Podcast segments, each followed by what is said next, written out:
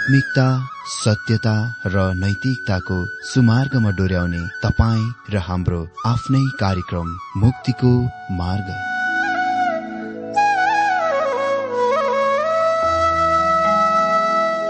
आदरणीय श्रोता यस मुक्तिको मार्ग कार्यक्रममा हार्दिक स्वागत छ। आशा छ यस आत्मिक कार्यक्रमद्वारा जीवनमा आत्मिक आशिष अलौकिक शान्ति र आनन्द प्राप्त गर्नुहुनेछ। र जीवनमा धन्य अनुभव गर्नुहुनेछ। आउनुहोस् श्रोता। मन र आत्माको तयारीको लागि यो मिठो अनि मधुर भजन गीत सुनौ। कस्तो होला?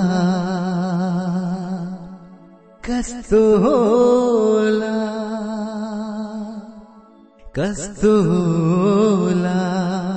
ओ कस्तो होला?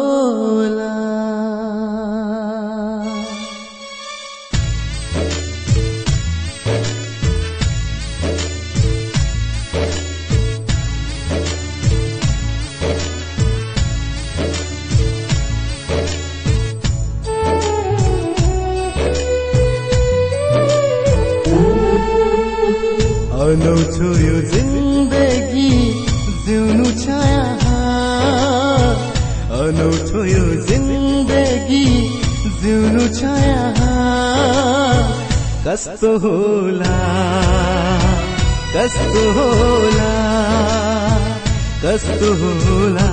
ओ कस्तो होला।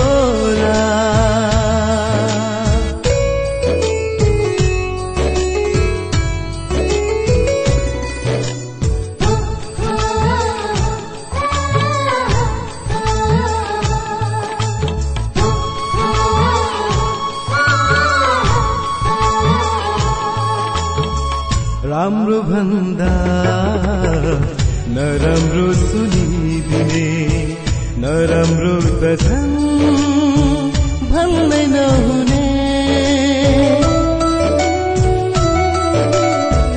राम्रो भन्दा नराम्रो सुनिदिने नराम्रो त झन् भन्दै नहुने। धन भएकाको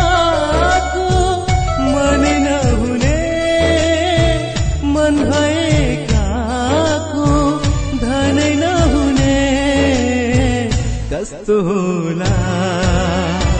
कस्तो होला? कस्तो होला? ओ कस्तो होला?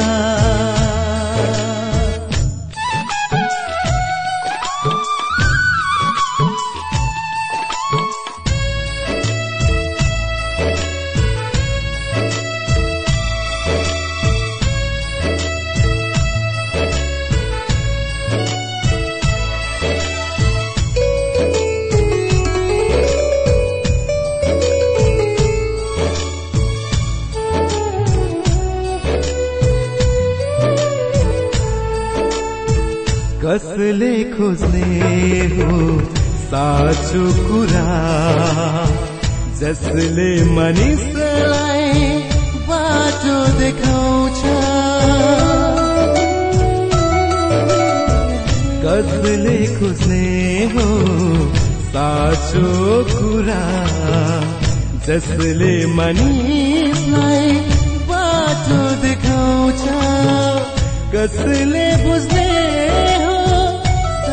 साँचो प्रेम येशु मसीहको जीवन दिने प्रेम कस्तो होला कस्तो होला कस्तो होला ओ कस्तो होला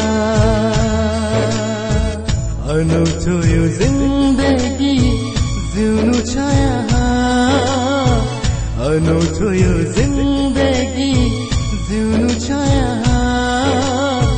कस्तो होला कस्तो होला कस्तो होला कस्तो होला कस्तो होला ओ कस्तो होला।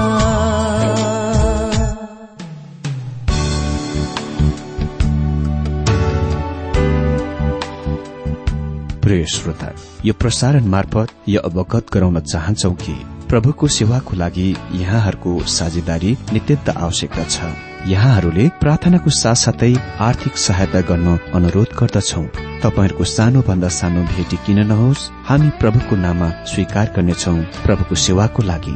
तपाईँहरूको यो सानो लगानीले कसैको जीवनमा भिन्नता ल्याउँछ अनि प्रभुको महिमा हुन्छ। प्रभु तपाईँहरूलाई महान गरी आशिष दिनुहुनेछ। इच्छुक श्रोताहरूले तपाईँको इच्छा भेटी हाम्रो ठेगानामा पठाउन सक्नुहुन्छ जुन ठेगाना हामी कार्यक्रमको अन्तमा दिनेछौं।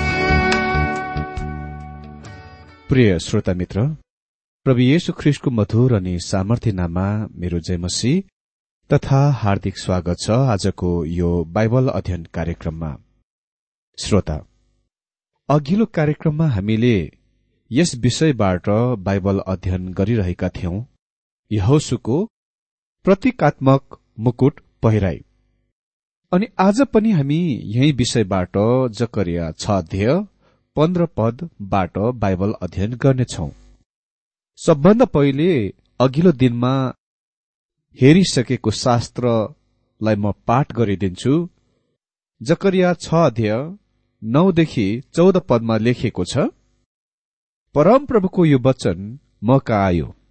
बेबिलोनको निर्वासनबाट आएका हेल्दै तोबिया र यदायाहबाट भेटिली त्यही दिन सपन्याको छोरो यसियाको घरमा जा।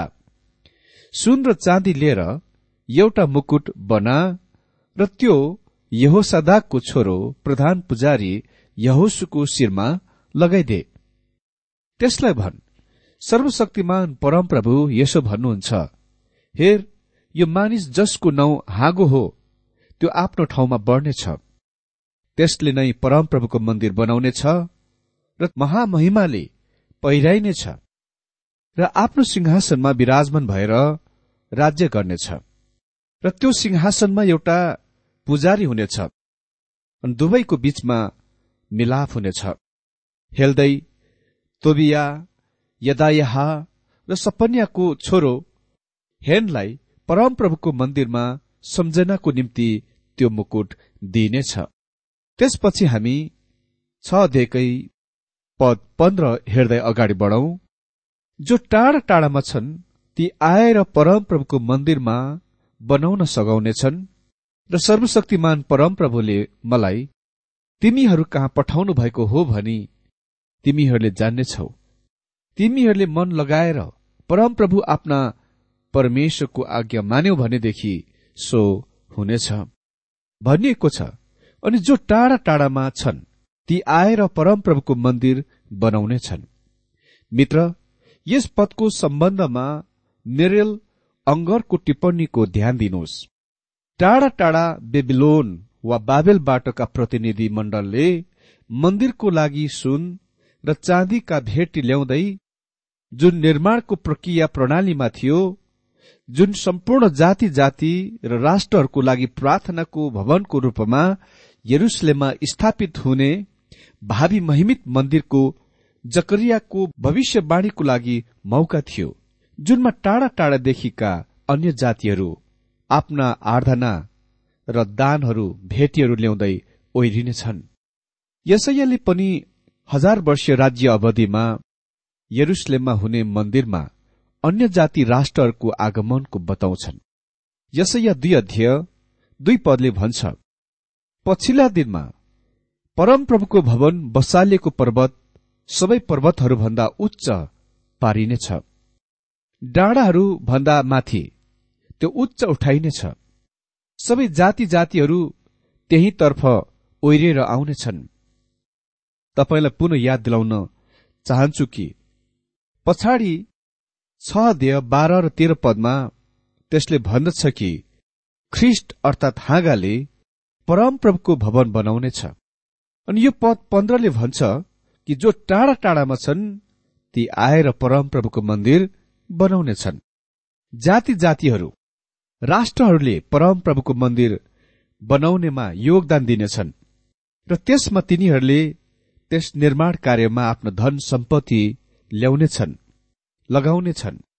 हामीले यो भिन्नताको फरकको छुट्याउन आवश्यक छ किनभने खालि प्रभु येशु ख्रिस्ट स्वयंले मन्दिरको निर्माण गर्नुहुनेछ।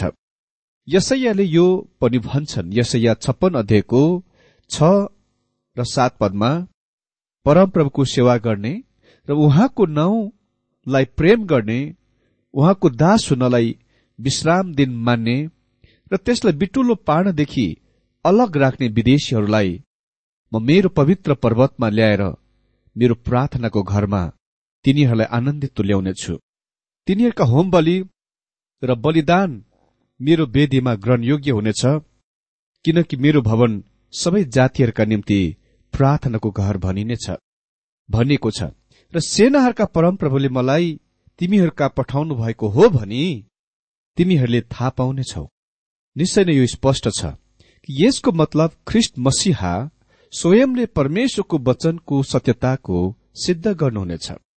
अर्को खण्डमा भनिएको छ तिमीहरूले मन लगाएर परमप्रभु आफ्ना परमेश्वरका आज्ञा मान्यौ भनेदेखि सो हुनेछ।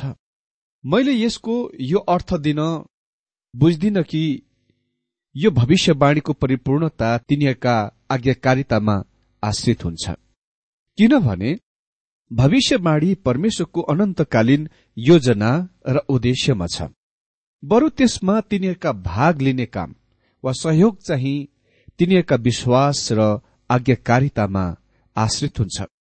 हामीले जकरियाको पुस्तकको प्रथम प्रमुख खण्डको अन्त गर्दा हामीले यसको भविष्यवाणीको र इतिहासको भावमा वा तातीमा स्थान निर्धारण गर्नुपर्छ।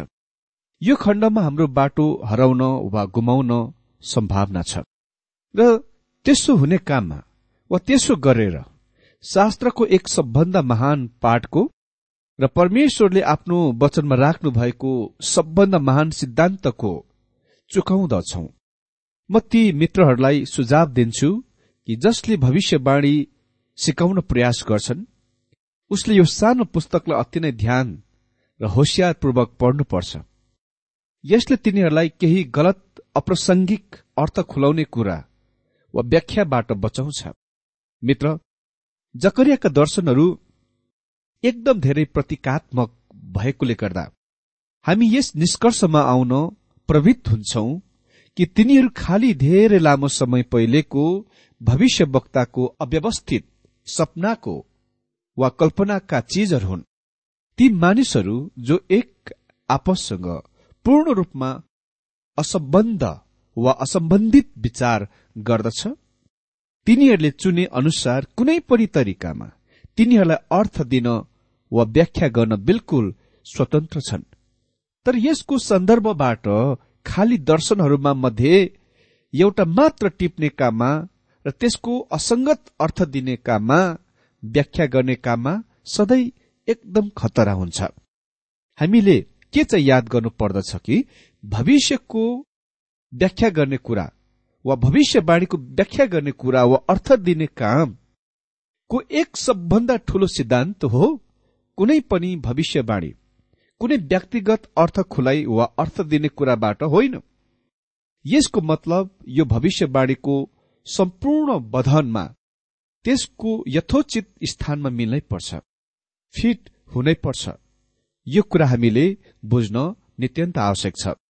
हामीले मनमा यो कुरा राख्न पर्छ कि जकरियालाई सम्पूर्ण दर्शनहरू एक आपससँग जोडिएका छन् र परस्पर सम्बन्धित छन्।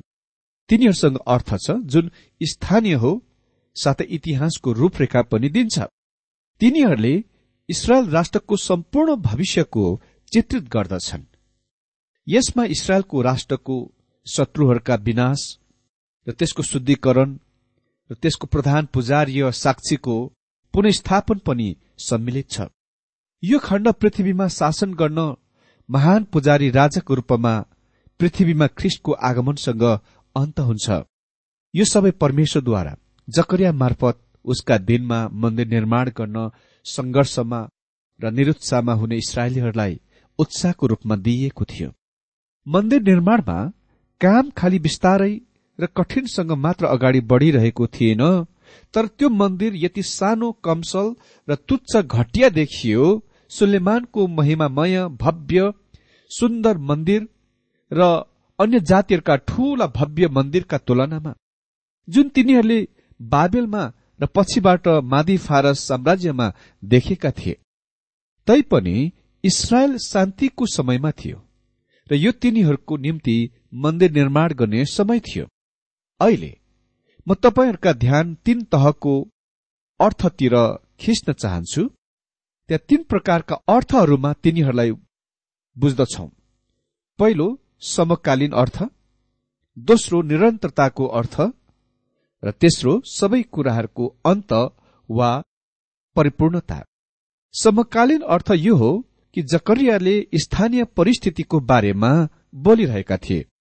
उसले आफ्ना दिनका मानिसहरूलाई तिनीहरूका समस्याहरूको सम्बन्धमा सम्बोधन गरिरहेका थिए।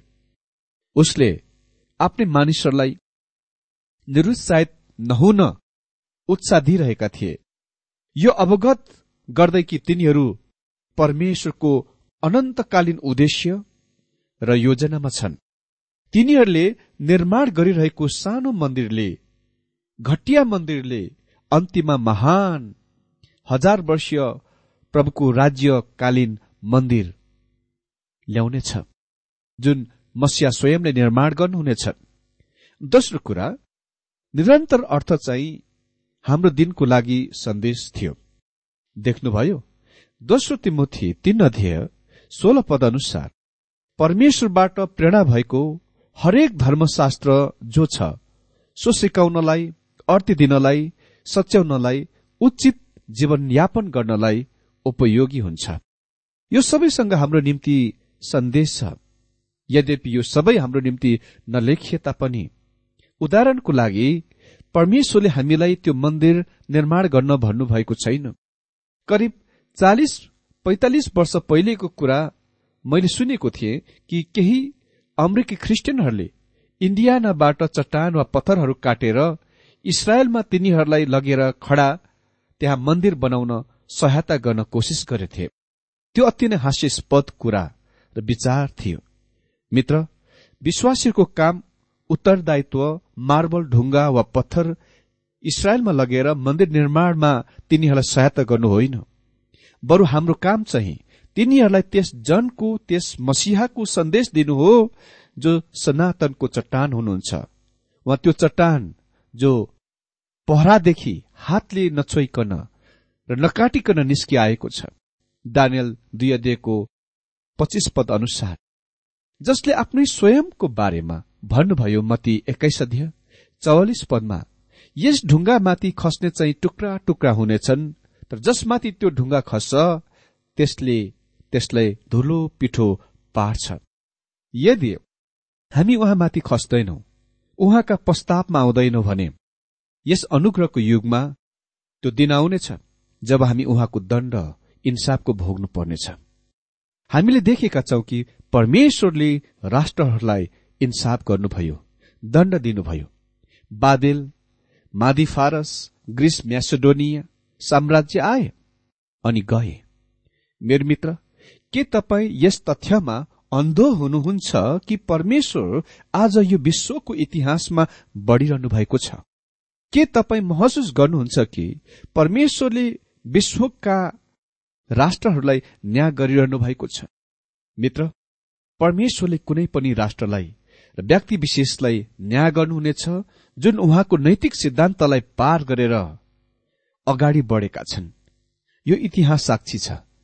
यसरी जकरियाको दर्शनहरूमा हामीसँग सिकाउने कुरा छ कि परमेश्वरको उद्देश्य सफल हुनेछ र परमेश्वर आफ्नो उद्देश्यको पूरा गर्न इतिहासमा बढ़िरहनु भएको छ चाल चलिरहनु भएको छ।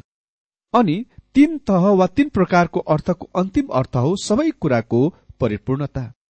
इतिहास भविष्यवाणीको जल मार्गमा बहिरहेको छ। फेरि पद बाह्रको दोहोऱ्याउन चाहन्छु यहाँ लेखिएको छ बाह्र पदमा त्यसलाई भन सर्वशक्तिमान परम प्रभु यसो भन्नुहुन्छ हेर यो मानिस जसको नौ हाँगो हो त्यो आफ्नो ठाउँमा बढ्नेछ र परम प्रभुको मन्दिर बनाउनेछ। हामीले देख्यौं कि हाँगा चाहिँ प्रभु येशु ख्रिस स्वयं हुनुहुन्छ जो सुक्खा जमिन बाटोको जड हुनुहुन्छ जो क्रुसमा हाम्रो निम्ति मर्नुभयो। तर उहाँ फेरि शासन गर्न आइरहनु भएको छ। त्यस दिनमा यसैया चार अध्यायको दुई पदले भन्छ इसरायलका बाँचेकाहरूका निम्ति परमेश्वरको हाँगा सुन्दर र महिमित हुनेछ। र जमिनको उब्जनी तिनीहरूका निम्ति गर्व र गौरवको कारण हुनेछ। उहाँ आफ्नो सिंहासनमाथि पुजारी हुनुहुनेछ। मित्र यो कुरा थाहा पाउने कुराले यसले हामीलाई सापेक्ष महत्वमा राख्न सहायता गर्नुपर्छ। त्यहाँ विश्वासीहरूका साना झुण्डहरू हुन सक्छन् जो आराधना गर्ने ठाउँ नभएर कुनै गोठमा वा खुला जग्गामा वा साँगुरो कोठामा आराधना संगति गरिरहेका होलान्। तर तिनीहरू येशु ख्रिस्टको नाममा भेला भइरहेका छन् र तिनीहरू उहाँलाई आदर गर्न तारिफ गर्न खोजिरहेका छन्। तिनीहरू उहाँको वचन अध्ययनमा बढ़िरहेका छन् वचन अध्ययन गरिरहेका छन् र तिनीहरू वास्तवमा उहाँको इच्छा गर्न वा उहाँको इच्छा पूरा गर्न चाहन्छन्। तिनीहरू इमान्दारितापूर्वक र विश्वासयोग्य पूर्ण गीत गाउँछन्। मेरो येसु म तपाईँलाई प्रेम गर्छु। तपाईँ मेरै हुनुहुन्छ भनेर। तपाईँकै लागि पापमा सम्पूर्ण मूर्खताहरू र अभिलाषहरू त्यागे भनेर।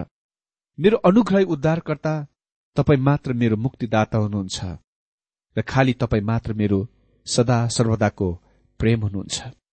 मित्र ती साना झुण्डहरू सायद संसारमा अज्ञात अजान होलान्। तर तिमीहरू तिनीहरू विश्वका राजधानीहरूमा राष्ट्रका प्रमुख शासकहरूद्वारा राखिएका मिटिङ वा सबभन्दा परमेश्वरको कार्यक्रम र उहाँको योजनामा अति धेरै महत्वपूर्ण छ। यो धेरै विश्वासीहरूको निम्ति विश्वास गर्न एकदम कठिनको कुरा छ।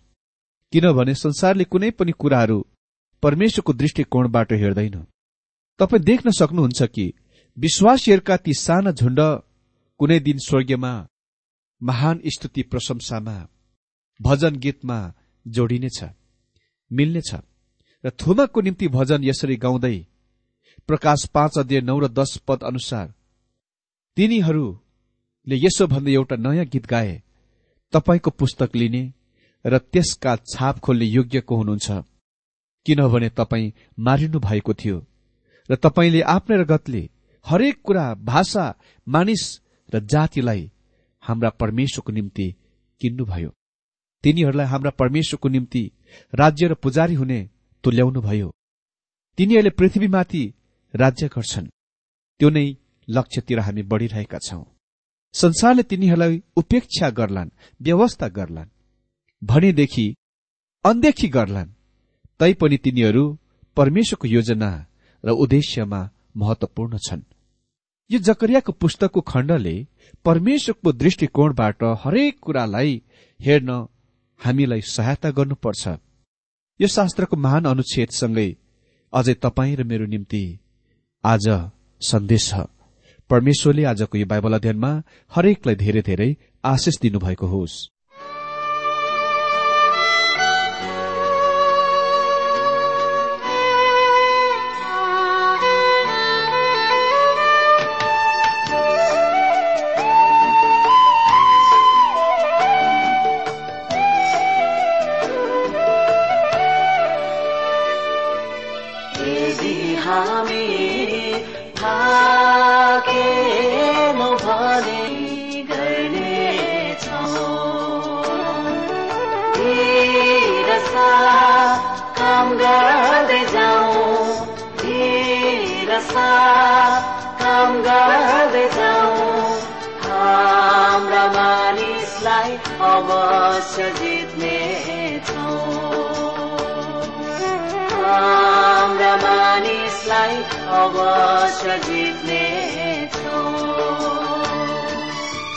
यदि हामी थाकेनौँ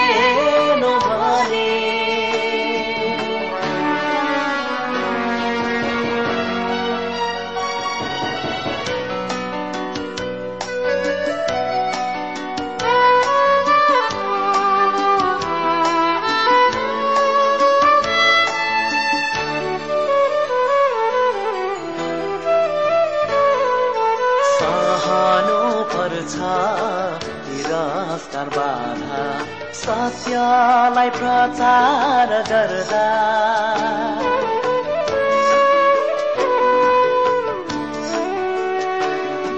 सहनु पर्छ विरक्का बाधा। सत्यलाई प्रचार गर्दा। बताउँदै नहाटी पछि बताउँदै जाऊ नहाटी पछि एक दिन त खोलिन्छ आँखा एक दिन त खोलिन्छ आँखा यदि हामी थाकेनो भने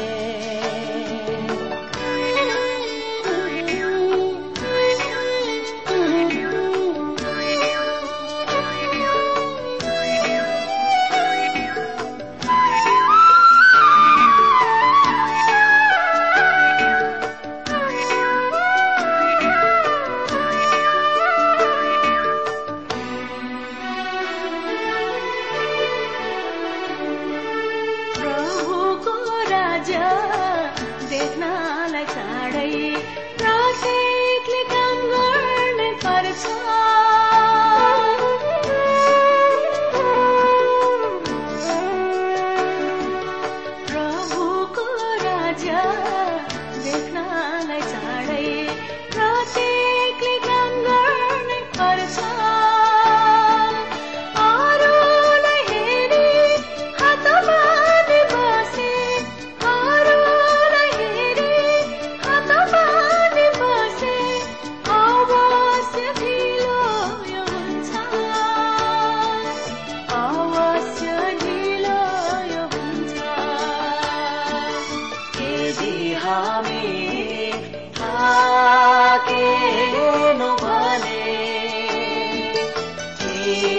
समयमा कटनी गर्नेछौँ।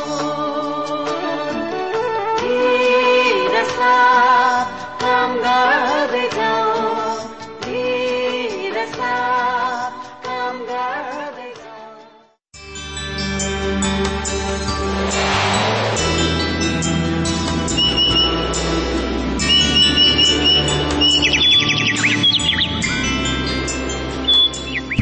श्रोता। अहिले भर्खरै तपाईँले टीडब्ल्यूआर नेपालद्वारा सञ्चालित आत्मिक कार्यक्रम मुक्तिको मार्ग सुनिरहनु भएको थियो। श्रोता आजको यो कार्यक्रम सुनेर तपाईँलाई कस्तो लाग्यो? यदि यो कार्यक्रम सुनेर मनमा कुनै खुल्दुली वा कुनै प्रतिक्रिया अर्थात सुझावहरू छन् भने हामीलाई पत्रद्वारा लेख्न सक्नुहुनेछ।